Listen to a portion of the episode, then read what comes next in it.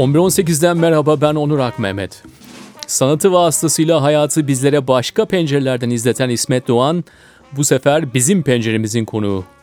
İsmet zamanının neredeyse tamamını şehrin merkezinde geniş bir atölyede radyosundaki şarkılarla geçiriyor. Adıyaman'da, Ankara'da sakin başlayan bir çocukluk sonrasında Paris'in ve İstanbul'un kibirli ve de vesveseli dünyasında. Kendi krallığını, kendi tahakkümünü kurup tek olmak isteyenlerin, kendinden önce gelenlere bir selam çakmayı bile esirgeyenlerin, fazla fazla söyleyip ama aslen hiçbir şey paylaşmayanların dünyası.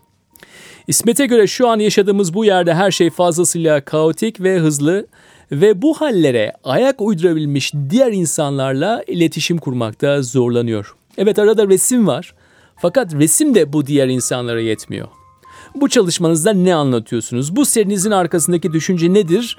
İşte böyle ağızdan çıkan ama gönülde karşılığı olmayan şablon sorularla karşılaşıyor. Yine de bunların hepsini kendine dert edinmiş ve işin garibi o sözcüklere tutunmaya çalıştıkça sözcüklerde İsmet'ten kaçı veriyor. Neyse ne kadar kaçarlarsa kaçsınlar. Biz algıları çok açık ve hafızası da bir o kadar kuvvetli İsmet'in hikayesini kendi sesinden tüm çıplaklığıyla dinliyoruz.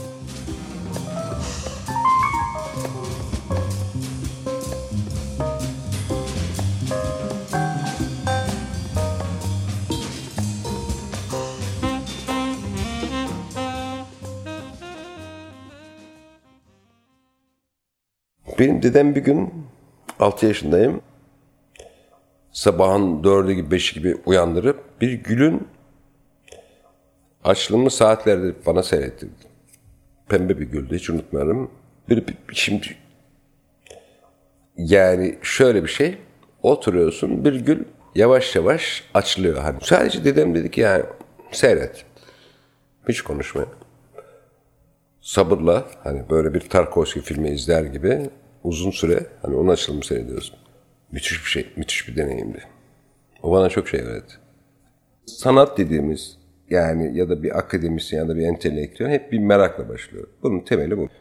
17-18 yaşındayım. O dönemde bilimle bildiklerimi paylaşan bir usta aramışım ama romanlardan ve hayattan etkilenerek. Pek kimse paylaşmamış. Ben böyle hani diyalektik dediğimiz şeyler karşılaştırma yaparak falan bulmuşum. Okuyarak da bulmuşum.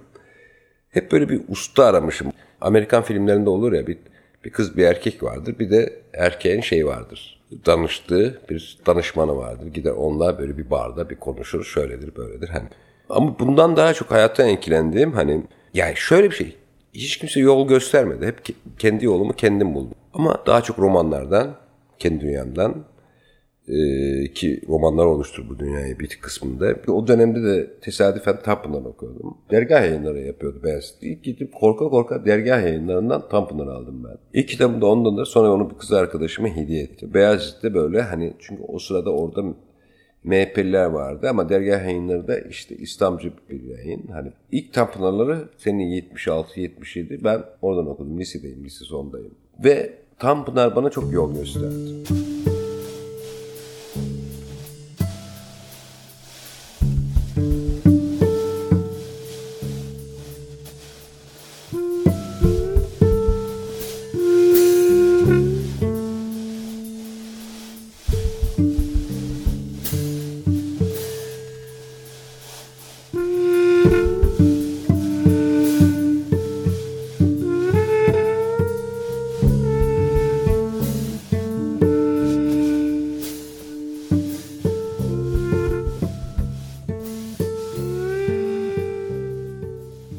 Ben kendimi böyle bir sanatçı gibi yaşamıyorum. Bir derviş gibi, bir şaman gibi, bir insan gibi.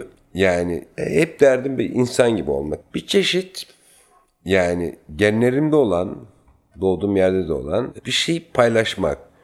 Şey Berit'in şöyle diyor yani, hmm, yarın yanandan gayrı her şeyi paylaşırız. Ben hep böyle asistanımla da, arkadaşımla da her şeyi paylaşmayı şey seçtim. Ve bana da biraz, bana da hep şunu söylerler. Hep biraz İsmet Ketimoğlu. Ama öyleyim yani hani bildiğimi paylaşmak istiyorum. Hani bana hep saf diyorlar. Bunu kompleks yapıp bundan rahatsız oluyorum. Yani saf böyle hani biraz salak, alık falan gibi. Sonra bir gün oğlum için e, küçük bir televizyon aldım. Çünkü o sabah bir iki dizisi ve şey vardı. Çizgi film şey var. Onu seyretmek istiyor. Gittim. Ortaköy'deyiz o zaman. Küçük bir televizyon aldım eskiciden. Koydum. Benim oğlan o filmleri seyredip uyuduktan sonra böyle birlikte uyuyorduk. Sonra ben uyanıyordum bir yarım saat sonra, bir saat sonra. Sonra bir baktım orada hani TRT 1'de hiç unutmuyorum şeyin Refik Erdoğan'ın Nazım Hikmet'le ilgili bir söyleşisi ve çalışması var.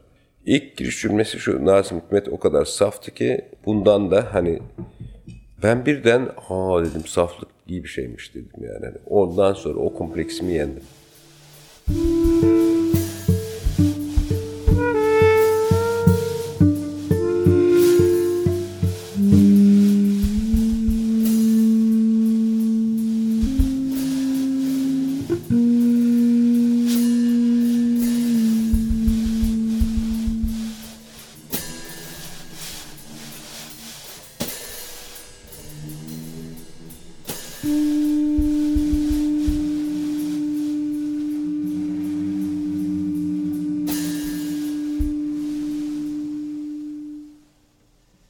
Sanatçılar tuhaf, yamuk, garip, kendi kendimize çelişer. Çelişik bir varlık aslında yani ne dediğine pek çok da fazla 5 yıl sonra başka türlü de bir şey söyleyebilirim. Sanatçı tutarlı değildir. Ama bir felsefeci ya da bir bilim adamı tutarlı olmak zorundadır. Bizim bunun üzerine de yatıp hani bunu da şey yapmamak lazım. Bir duruşu da var. Bir etikası vardır. Ama hep böyle bir yamukluğu vardır. Bir acayipliği vardır. Çünkü işi sorgulamaktır. Çok sıkıldığım bir şey var çağdaş Türk sanatında. Dürüst olmayan bir şey, etik olmayan bir şey. Herkes gökten zembille böyle sanat gelmiş, burada diğer sanatçı yok. Ya sanki bütün sanatçılar, bütün çağdaş sanatçılar burada hiçbir diğer Türk sanatçısının bir sergisini görmemiş, ondan hiç refere almamış, hiç etkilenmemiş gibi hepsi tek başına var. Ve herkesin referesi Batı. Ve bu çok acımasız, salakça, aymazca ve bunu kimse sormuyor. Bağıntı, korelasyon diye bir şey var. O sergi burada dibimde olmuş. Ben bunu yok sayamam ya. Yok sayamazsın. Ondan çünkü etkilenmiş olabilirsin. Ona ya da gönderme yaparsın. Hani başka birisi birisini refere etmiyor. Bunun bir edebiyat geleneğimiz var. Orada var. Dostoyevski'de görüyorum ben bunu. Dostoyevski bütün Leningrad'a altyapı olarak o dönemdeki tartışmalar hepsini gönderme yapıyor. Çağdaş sanatçı hiçbirisi bunu ifade etmiyor. Yani bir de bunun yazıları var. Sanat tarihi yazılıyor. Çağdaş sanat tarihi yazılıyor. Bir de bunun çağdaş sanat tezleri yazarları var. Aa, onlar da böyle yani hiç öyle bir şey yokmuş gibi. Yani ben bugün bunun hesabını sorarım eğer yaşarsam. Böyle bir yaratık haline geliyorum yani. Şu an anlatırken de hani görüntü yok burada. Böyle bir yaratık gibi olmaya başladım.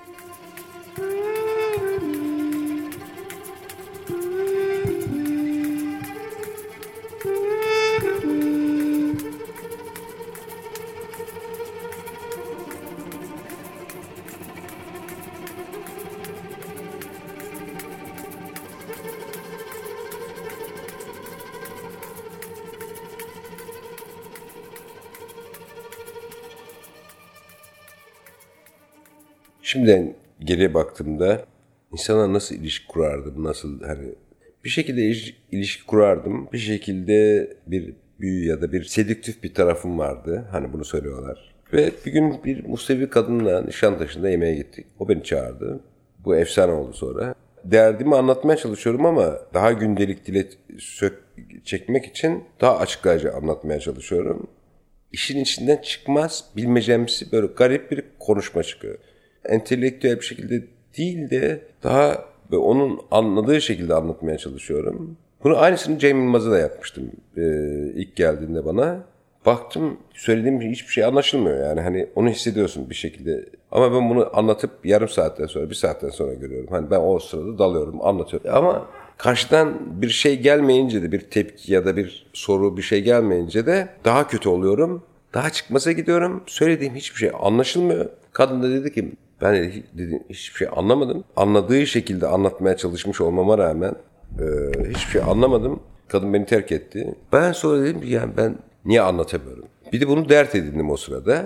Hani ya diyorum ben niye anlatamadım hani derdimi. Sonra dedim ki ben dedim hani görsellikle düşünüyorum. Tabii ki bazı arkadaşlarıma şaka yaptım. İsmet zaten dedi senin dediğin hiçbir şey anlaşılmıyor. Sen kusuyorsun. Ama ben bunu kompleks yaptım.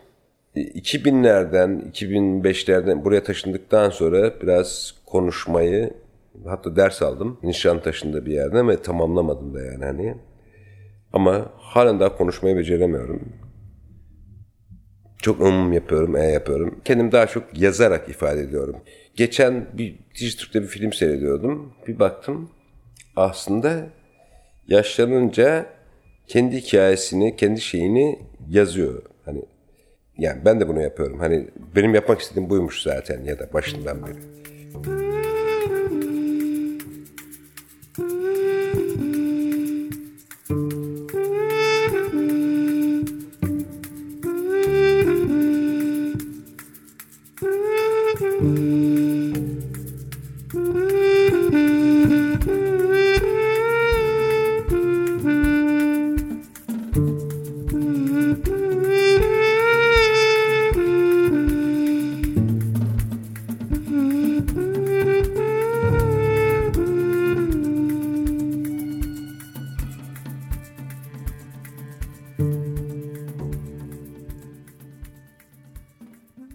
Çocukluğum Ankara'da geçti. O zaman da müthiş zevk alıyordum. Müthiş heyecanlıydım.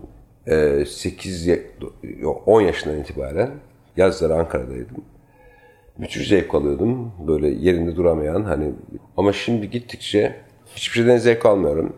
Sigara içmek ve hani bazen içki içmek diyelim. Hani şunu sorgulamaya başladım, şunu anlamaya başladım. Hayattan nasıl zevk alabilirim? Hani hep bir makina gibi bir çalışma, işte şu sergi yapma, bu sergi yapma, bu kitabı yapma. Hani hep bir bir görev, bir şey var. Bunun buraya gelmek çok hazin, çok dramatik bir şey. Yani böyle bir hani bu da Türkiye'nin yani burası çok yaralı, yara veren, acı veren yani bir coğrafya, bir kültürel iklim, bir yani beden hiçbir şey unutmuyor aslında.